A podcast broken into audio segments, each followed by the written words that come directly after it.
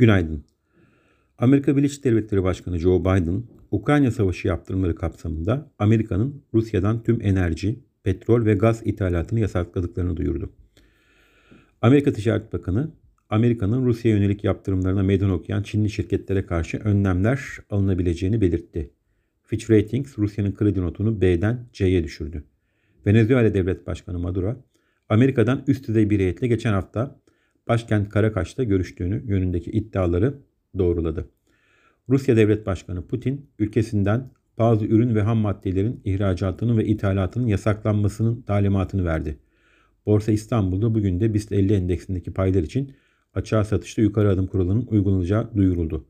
Bugün Borsa İstanbul'un hafif alıcılı bir başlangıç yapmasını öngörüyoruz. İyi günler, bereketli kazançlar.